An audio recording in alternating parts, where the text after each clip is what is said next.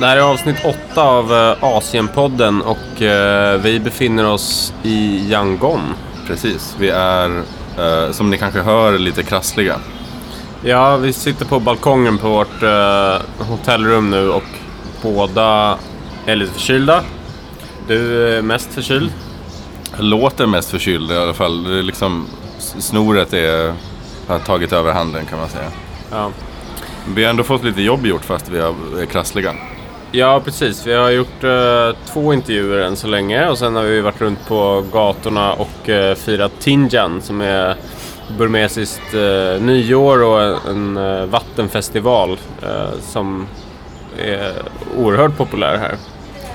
Ja, det är liksom ett stort vattenkrig som eh, råder i hela stan där folk eh, kastar Dels har man vattenpistoler men man har också riktiga liksom, brandslangar och kastar mm. hinkar med vatten över folk och sådär. Det är kanske inte, det kanske inte är det bästa när man är förkyld heller men det är ganska varmt så att det, det är mest skönt att bli lite, att liksom få svalka ner sig lite. Ja, det närmar sig 40 grader om dagarna så det har inte varit några, några bekymmer att få lite, bli lite nersköljd. Um, ja, man får packa ner alla grejerna i, i vattentäta påsar och sådär när man ska ut. Men uh, det är kul. Igår vart vi jagade av en liten tjej här på gatan som verkade sikta in sig lite extra på oss. Hon hade liksom en stor uh, vattenhink på ryggen med en slang ur till ett litet gevär och så sprang hon liksom bara fram till oss och sprutade och så räcker man upp händerna och ger upp och hon så här stannar upp i tre sekunder och sen så ser man hur liksom mungiporna dras uppåt och hon eh, tar sats och sprutar ner den igen rätt i facet. Vi har ändå en, ett, flera dagar kvar här nu. Vi ska fortsätta göra eh, intervjuer. Vi har pratat med lite politiska aktivister. Vi, har, eh, vi följer lite upp det här fallet med två eh, Reuters-journalister som eh, sitter fängslade för eh, arbete de har gjort kring folkmordet på rohingyer. Eh, och vi kommer att, det, det, kommer att, dagens avsnitt kommer att handla en hel del om pressfrihet. Vi, vi ska faktiskt inte prata så mycket om Myanmar men vi ska prata om, om Kina och deras um, strävan efter vad som beskrivs som en global ny medieordning och hur Kina försöker att inte bara påverka och styra medier i sitt, i, inne i Kina utan också hur uh, den kinesiska staten försöker påverka mediebevakningen i världen om Kina. Just det. Så du ringde upp eh, Erik Halkjär som är ny ordförande för eh, Reporter utan gränser i Sverige eh, för att prata om, om Kina och om pressfrihet. Precis, och de har ju precis släppt en rapport som heter Kinas strävan efter en global ny medieordning. Så vi snackar en del om den och också om, lite bredare om pressfriheten i eh, den här regionen och var han ser de största hoten men också var det finns det, kanske det största hoppet just nu. Ehm, så, så, lyssna vidare så får ni veta eh, vad det är.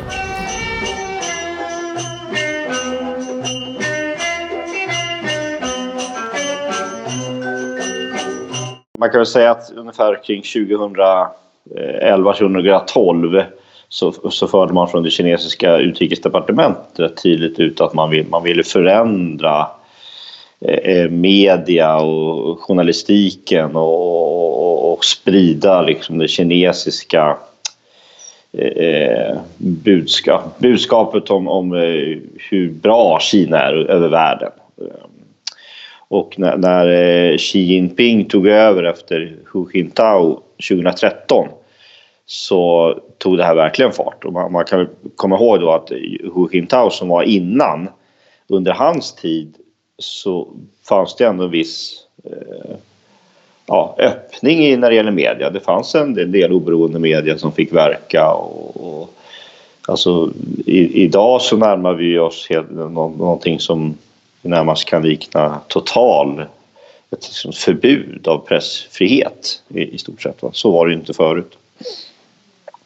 Men om, du vill, alltså den här global, nya globala media, mediaordningen då, den består ju i att man helt enkelt eh, för, för, dels så, så, så, tar man ju kontroll över medierna i, i Kina så att det finns ju ingen alla, alla journalister i Kina jobbar ju åt staten så det finns egentligen ingen journalist.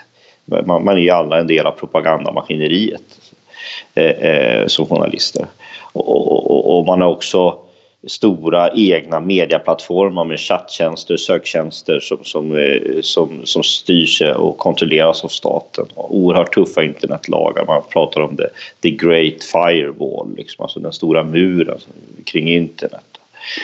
Um, och, och, och, det här försöker man nu föra ut så det finns ju flera länder i Asien som till exempel eh, Vietnam, Thailand, Malaysia, även Singapore som, som tar, tar, tar efter det här och inför liknande lagar och liknande kontroll. Kambodja också. Eh, ehm, så på det viset så sprider man ju sin, sin, sin, sin syn på journalistik, om man nu ska kalla det för det. Just det. Så det är både liksom ett inhemskt projekt och ett eh, internationellt projekt på något sätt? Vet du, i de här fallen där, man, där andra länder i Asien tar efter, alltså är det av eh, någon slags påtryckning från Kina eller är det bara att man ser att det, det funkar ganska bra för dem eh, när det gäller att liksom, kontrollera media?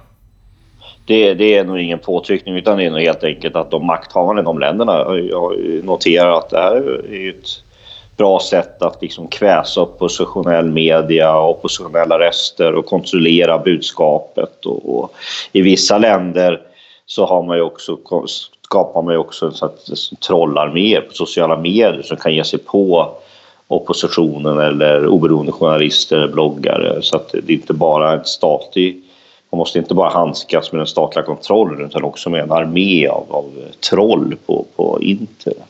Men jag ska också nämna den här globala medieordningen. Ytterligare en väldigt viktig komponent är att man, man, man för ju också ut det här i, i världen genom att att till exempel öppna den kinesiska statliga tv-kanalen har ju öppnat en egen, en egen, eh, ett egen kontor i London med flera anställda. Så att man producerar ju sin tv i, i, för en europeisk publik Eh, Eh, och i Mexiko så äger man en radiostation riktad mot Kalifornien eh, till exempel. Och, och eh, man, man tar ju i hem många journalister från, jag tror att det är 3400 journalister från 146 länder som har fått komma till Kina på stipendium för att lära sig om journalistik. Och många av de här journalisterna kommer ju från Afrika där, där Kina har ett stort eh, inflytande genom bistånd och infrastrukturprojekt och så. Eh, och då åker ju de hem med en ja, den kinesiska synen eller påverkan av vad journalistik är. Så att det, och det ska påpekas att de här internetlagarna och begränsningarna av press och yttrandefrihet märks ju även i ett kinesiskt mönster märks även i Uganda, Zambia, Tanzania. Så att det har också börjat sprida sig ner, neråt så. Kan man tänka sig framöver också att det kan komma att bli ett ökat kinesiskt ägande i västerländsk media? Jag tänker vi har många mediehus här som kämpar med lönsamheten och det saknas pengar. Och om det då finns intressen att kontrollera bevakningen så, ja vad säger du, kan det, eh, är det en liksom möjlig utveckling? Det är det ju säkert. Eh, absolut. Eh, och om de inte kan köpa medierna så, och, och, absolut vill in på en speciell marknad så ser de väl till att helt enkelt eh, öppna sin egen shop eh, på den som man har gjort i England till exempel. Och jag tror att vi kommer att se, det har ju redan varit en diskussion om det huruvida man ska kunna titta på den statliga kinesiska tvn på liksom olika svenska abonnemang i Sverige då kan man ju välja det och titta på det på tv. Och det är ju den stora risken med det här kinesiska inflytandet och att hela, allting är ju bara kontrollerat av, av den kinesiska staten. Att, att vi som konsumenter måste ju vara medvetna om det också. Alltså när, när det passerar så mycket nyheter eh, inom citationstecken eh, ibland och riktiga nyheter eh, alltså från oberoende eh, medier så, så är det ju svårt ibland att skilja ju, det vet vi alla. Vad, vad, är, vad, vad är verifierat? Vad har, vilka har käll, oberoende källor av varandra oberoende källor och, och vilka liksom har gjort en grundläggande grävande journalistiskt arbete och, och vad är PR? Så att det kommer ju kräva mer av oss mediekonsumenter när vi ser nyheter från en kinesisk mediaoperatör. medieoperatör. Liksom, jaha, är det här en nyhet eller är det kinesisk propaganda? Men det, det, där är intressant varför det där liksom skiftet har skett som du nämnde efter Hu Jintao. Alltså, det, det brukade ju vara så att eh, kommunistpartiet främst kanske var bekymrat med eh, den egna befolkningen och vilken information de tog del av. Men här handlar det ju alltså om att också påverka vilken information vi tar del av. Ja, och jag tror att det, hand, det handlar i grund och botten om bilden av Kina. Alltså man, man, vill ju kontrollera bilden av Kina i omvärlden. Kina är liksom en god stat som vill väl för utvecklingen i världen etc. etc. Så det är det man vill uh, försöka få ut. Och, det, och det är ju Afrika till exempel ett, en sån marknad där, man, där, de, där de är stora aktörer. Uh, och då vill man ju berätta om det. Berätta, titta vad vi hjälper till och vad vi bidrar med och, och så. Hur påverkas då svensk media av det här? Finns det några exempel? Ja, en annan ingrediens i den här globala medieordningen är ju att det, som jag nämnde precis, på, det första uttalandet gjordes faktiskt från utrikesdepartementet till Kina för, för, för åtta, sju, åtta år sedan. Och, och eh, det är ju då så att ambassadörerna, kinesiska ambassadörerna ute i, i världen, bland annat i Sverige, har ju gett sig in i det här så att säga kriget om, om medierna och journalistiken och bilden av, av Kina. Så att den kines, kinesiska ambassadören i Sverige har ju på sin blogg på kinesisk, Kinas hemsida, kinesiska ambassadens hemsida attackerat olika svenska medier för publikationer som de har gjort. Just det. Eh, och det är allt från TT till Dagens Nyheter till eh, Expressen till UNT, eh, Nya Värmlands Tidningen och så. Och också enskilda journalister va? Ja, de, de har ju pekat ut eh, Jojje Olsson till exempel som är baserad i, i, i Asien och bevakar Kina. Mm. Och även Kurdo Bakse här i Sverige till exempel. Så det, det, man drar sig inte för att ge sig på enskilda. Jag kan, jag kan, det finns ju flera exempel på eh, även andra länders journalister som har fått, fått åka ut för, för den här eh, liksom riktade kampanjerna. Eh, det finns ju journalister i, i, i den här rapporten som vi har gett ut så nämns ju journalister i England och i Australien till exempel som, och Sydafrika. Och, där, och det handlar ju också många om exil, alltså kineser som har flyttat mm. Eh, och bor i andra länder som kanske bedriver eh, egna medier eller internet, webbtidningar eller radiosändningar eller, eller bloggar som också attackeras eh, fast då i, i sina nya länder, så att säga, nya hemländer. Ja, det där är ju väldigt läskigt. Jag menar, det är ju en sak om ett stort mediehus kritiseras, men just när enskilda frilansjournalister pekas ut. Så det blir ju en, en väldig Um, det är en väldig oba maktobalans där förstås. Mm. Ja, det, och, och, det tror jag det är jättefarligt och, och absolut eh, det förkastar man, ska vi förkasta, absolut. Eh, jag tror att det är viktigt då att som, som journalist att, att verkligen också efterleva de journalistiska principerna. Det är också lätt att hamna eh, i, i en sits där man kanske Eh, Eh, kritisera, alltså man, man, man, man, riskerar att hamna i, en, i ett liksom, i, i oppositionella läge. Alltså, att man, nyanserna och att, eh, att vara oberoende och, och, att låta båda sidorna komma till tals etc. etc. Eh, eh, blir än viktigare här då för att man kan stå på sig och säga okej, okay, ni, ni attackerar mig trots att jag ändå liksom försöker göra det här ett journalistiskt arbete. Om, om man vid, vid olika tillfällen kanske tar en öppen ställning i den här, i den här eh, bilden av Kina och, de, och de har sitt, eh, pågående, sin pågående konflikt med Taiwan. Liksom. Det gäller ju att hålla, hålla tungan rätt i mun här och, och, så att man inte blir ett lättare mål så att säga i den här eh, konflikten. Att det ställer högre krav på, på journalister som jobbar för oberoende media? Ja, exakt. Och även frilansare eller bloggare om man nu vill kalla sig medborgarjournalist till exempel. Att man då faktiskt försöker leva efter de, liksom, de principer som, som en journalist brukar eh, leva efter. För annars blir man ju, kan man ju lätt bli stämplad som en, som en, ta, en, liksom en talesperson eller en, en partisk journalist av den kinesiska staten. Med det sagt så ska vi bara, det är upp helt uppenbart när den här, när Kinas ambassadör i Stockholm attackerar medierna att det, det spelar inte så stor roll. Det, det vill jag bara säga. Mm. Men, men det är klart att det är lättare att stå på sig om man har det där utgångsläget. Ja, verkligen. Mm. Finns det något mer som man kan göra för att kontra den här eh, medieoffensiven från Kina? Då?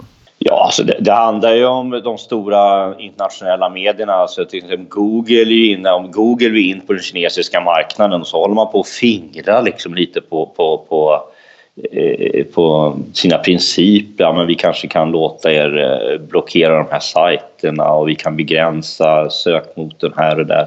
Då släpper man ju helt på de egna egna principerna som gäller i resten av världen bara för att komma in på en marknad där det finns mycket pengar.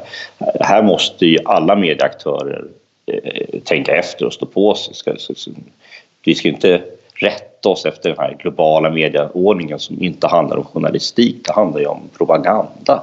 Och då ska inte mediaaktörerna bli en del av det, det måste de ju hålla sig ifrån och, och verkligen markera att det här är inte något som vi ställer upp på utan vi jobbar enligt de här principerna. Och sen så tror jag att vi som alla journalister och medieaktörer till exempel i Sverige och, men det gäller ju överhuvudtaget. Vi måste bli bättre på att förklara hur vi jobbar med, med källor och, och med, med, granskning och, och, och uh, oberoende och så. Så att, så, att, så att, man kan, så att konsumenten kan lä, bli, få lättare att förstå vad som är journalistik och vad som är propaganda. Om vi tittar på Asien i stort då, det är ju en enorm region förstås, men var, var ser du det, det, största hoppet för pressfriheten i Asien just nu?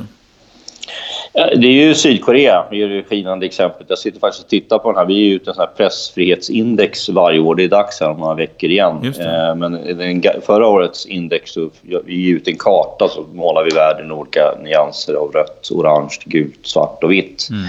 Eh, och Asien är ju en rätt eh, det är ju väldigt rött eh, och svart eh, och det är inte så bra. Det är de sämsta. Alltså, svår situation eller väldigt allvarlig situation. Sen finns det ett par orangea som är, ja, liksom, där finns det problem. Eh, men det finns då ett land, Sydkorea, som sticker ut som, som, som ett gult land. Alltså att det, det, är, det är väl okej. Okay, liksom. Även Taiwan ska jag säga sticker ut där och om man ska räkna med Australien så finns ju det med. Mm. Vad, vad är det Sydkorea har lyckats med? Det anmärkningsvärda där är att de, det var ju förra, mellan 2017 och 2018 i vårt index så hoppade de som 20 platser. Mm. Och, och, det, de flesta menar på att det var ju då presidenten Moon Jae-in som eh, reformerade lagarna mm. och, eh, och då förbättrade pressfriheten i landet. Och, och, det, och det visar på ett väldigt, det är ett väldigt tydligt exempel på hur viktigt det är med, med liksom makthavare, politiker för att förbättra pressfriheten. Det är inte något som sker långsamt någonstans omedvetet utan det är faktiskt politiska beslut som är avgörande för det här och hur, hur, hur, hur konsumenter ska få tillgång till olika medier och journalistik och, och, och hur journalister ska kunna jobba utan att riskera livet eller bli hotade och trakasserade. Mm. Sen finns det i Sydkorea fortfarande vissa utmaningar men, men, men eh, det är helt uppenbart att det, det inte bara i Asien utan i hela världen ett gott exempel på hur man kan förbättra situationen på relativt kort tid. Just det. Ett, ett land som, som jag själv har bevakat ganska länge är ju Myanmar och där fanns det ju en, ett fönster där det på något sätt såg ut som att eh, det var på väg mot en förändring. Också när det gäller media då. Men alltså, det, det, det dröjde inte länge innan man sen snabbt igen började se journalister som åtalades för olika typer av förtalsbrott och nu sattes i fängelse. Det mest kända exemplet är ju Wallon och Cha Xiao som, sitter, här, som jobbade för Reuters. Mm. Som sitter fängslade nu för att ha rapporterat om, om folkmordet på rohingyerna. Eh, så det är ju ett land där det, där det tyvärr liksom har gått bakåt igen. Absolut. Eh, det är som du säger, det var ju fram till ungefär två år sedan så var det en väldigt positiv utveckling i, i Myanmar. Nu, nu eh, är det ju så att, att det finns en paragraf, eller en lag som, som kan döma bloggare och journalister för förtal. Mm. Och, och det sker oerhört mycket aggressiva aggressivt tonläge från politiker vilket då resulterar i trakasserier och våld mot journalister och som du nämner de här två Reuters-journalisterna som har gripits och, och flera andra. Eh, och mycket det som sker nu, det som de två gjorde var ju ganska liksom etniska utrensningen av rohingyer. Eh, och, och, och, när de då kom hem med bevis på det så sattes de i fängelse. Det finns ju liksom, mm. De har ju foton på det här. Eh, eh, så att, och här är ju också, precis som i Sydkorea, ett exempel på hur liksom en ledare kan försämra situationen åt andra. Alltså, mm. Du kommer en ny ledning, tyvärr en, en fredspristagare, Nobels fredspris. Och, och, och, så ändras liksom hela situationen i landet och synen på yttrandefrihet och pressfrihet. Och så blir situationen fruktansvärd för, mm. för medier, och journalister och bloggare. Det är oerhört sorgligt men också ett exempel på att det är just makthavarna som spelar en stor roll. Mm. Och det, det, verkar ju också som att, lite, eh, att det har vidgats också från att det är inte längre bara journalister och traditionella mediehus som eh, är eh, illa ute, utan även, jag tänker just nu med kraften i sociala medier, så ser man ju också många länder där det är straffbart att, att göra ett inlägg på Facebook om det kan tolkas som att man förolämpar Typ, eh, någon politiker eller kungen eller så vidare. Absolut. Det finns en kontroll eh, över internet och det skapar ju en rädsla i hela samhället och en tystnad. Och det finns, ingen, det finns liksom ingen eh, diskussion om, om, om politik eller samhället, utveckling. Utan man, man tystar hela samhället, yttrandefriheten. Det är ju, helt vansinnigt. För det finns ingen möjlighet att skapa en demokrati eller en positiv utveckling i, i, i länder som gör på det viset. Eh, så det, det, är väldigt sorgligt och, farligt eh, naturligtvis. Bangladesh är ju ett, ett annat sånt eh, exempel på ett land där, där det, det, det, liksom, förra årets val kampanj ledde till fruktansvärda trakasserier på på oppositionen och väljare som uttryckte sig eh, kritiskt mot, eh, mot eh, premiärministern som blev, som blev omvald till slut.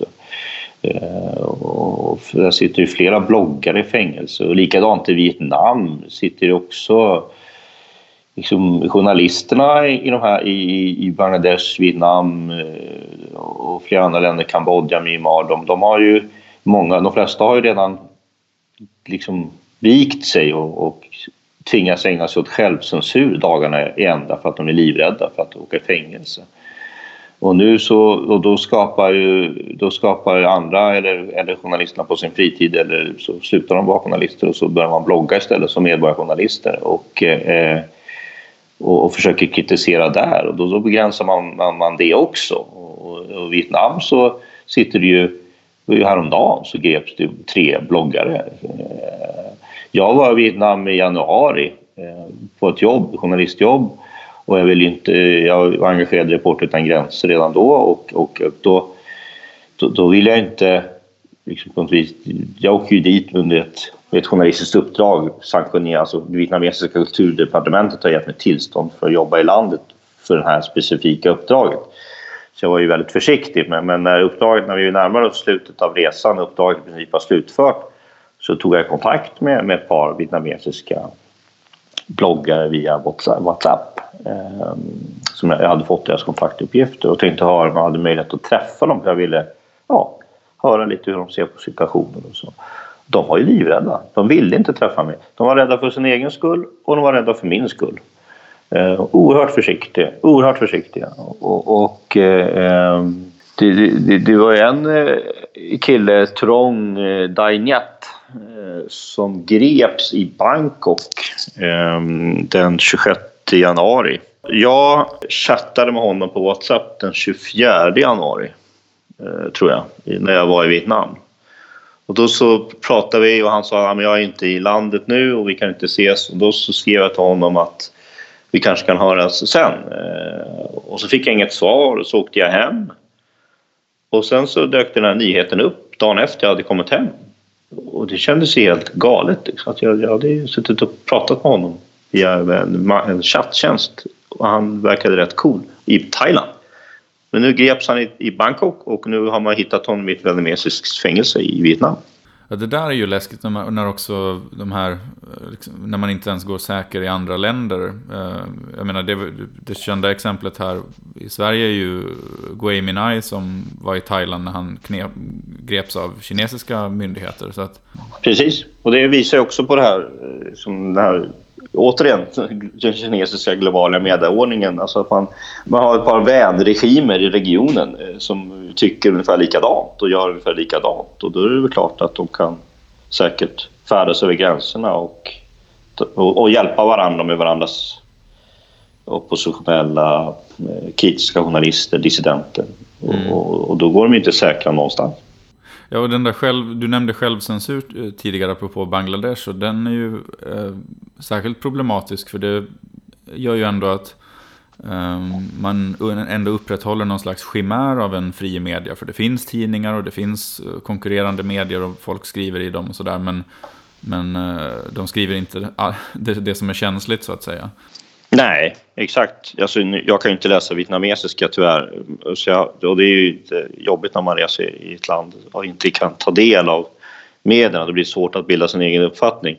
Men, men jag försökte ju prata med en del och det var ju helt uppenbart att, att det, var, det var ingen, ingen person som jag pratade med som satt och tittade på tv-nyheterna eller läste vietnamesisk tidning för att få en uppfattning om, om omvärlden. Så då försökte man ju skaffa sig på andra sätt via vänner och bekanta och olika eh, sociala medier och så. Eh, och det är ju, det, det, kan man ju tänka sig själv hur det skulle vara att bo i ett land där inte, ja, vi kan inte, vi kan inte lita på någonting alltså, som, kommer, som kommer i medierna.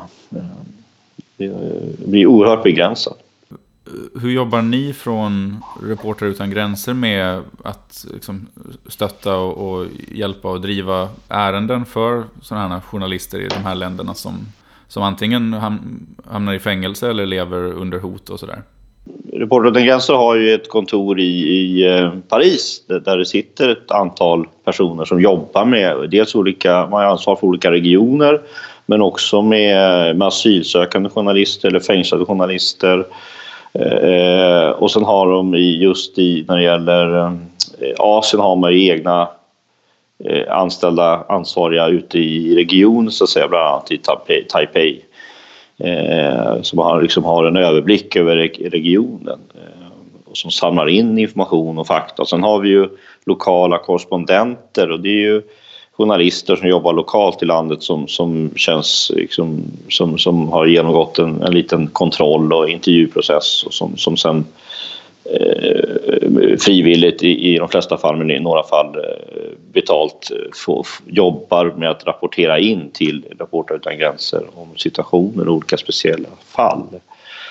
Och när då journalister grips eller bloggare grips eller, eller när i ett land stiftar lagar som går helt emot press och yttrandefrihet då, då reagerar ju Reporter utan gränser med, med, med fördömanden och uppmärksamhet och, och, och sen försöker man ju jobb, jobba mot myndigheterna i de här länderna men det är ju av förståeliga skäl kanske svårt i till exempel Kina, Nordkorea alltså som är Vietnam också.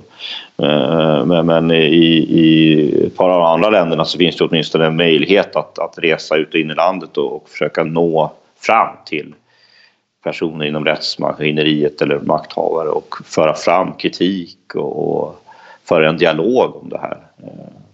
För det handlar ju handlar sällan om en person, det handlar ju om flera. Bangladesh sitter det väl 20-30 fängslade bloggare. Eh, I Indien sitter det liksom massor och, och, och för att inte tala om de som har dödats de senaste åren. Flera journalister som har dödats i, i Indien är det uppemot 20 stycken de senaste fem, fem åren. Eh, Afghanistan är ett speciellt fall i världens farligaste land. 24 stycken de senaste fem åren. Eh, Filippinerna, Pakistan, 10, 11, 12 journalister. Så att det, det, det här jobbar vi hela tiden med eh, för, för, att försöka påverka och förbättra situationen. Eh, ett, ett, ett, det, det mest uppmärksammade fallet just nu är Maria Reza i Filippinerna som åker in och ut ur häktet och betalar borgen stup i kvarten eh, för att hon med, sin mediatjänst Rappler och, och fokus på kvinnors rättigheter är en konstant nagel i ögat på Duterte, presidenten i Filippinerna. Hon gör ju ett fantastiskt modigt arbete och är ju ständigt liksom ut riskerar risk för, för, för våld, övergrepp, i värsta fall mord. Och, och de här personerna, en sån person förtjänar ju allt stöd hon kan få. Eh, och det gäller även alla de journalister som inte vet namnet på som jobbar i de här länderna. Ja, det där sa alltså Erik Halkjär när vi eh, snackade med honom och eh, vi sitter kvar här på balkongen i Yangon och ska eh, samla krafter eh, för att motverka förkylningar och åkommor och försöka ta oss ut och eh, göra ytterligare en intervju i, kväll.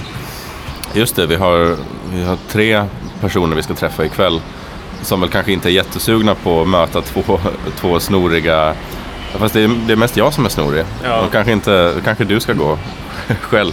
Ja, vi får, vi får se. Du får snuta dig och skaffa ett jobb istället. Ja, precis. Nej, men det ska bli intressant. Det känns ändå som att det börjar ordna upp sig här och att vi kommer att kunna... Uh, alltså vi har inte behövt ställa in någonting, utan vi kan ju göra allt som vi har tänkt göra. Um, men vi kan kanske att vi i nästa avsnitt berättar mer om vad det är vi har gjort här och vilka vi har träffat och, och vad, vilka stories vi jobbar på här så att säga. Mm, det tycker jag vi ska göra. Bra. Tack för att ni har lyssnat uh, den här gången också. Ha det så bra, så hörs vi. Krya på oss.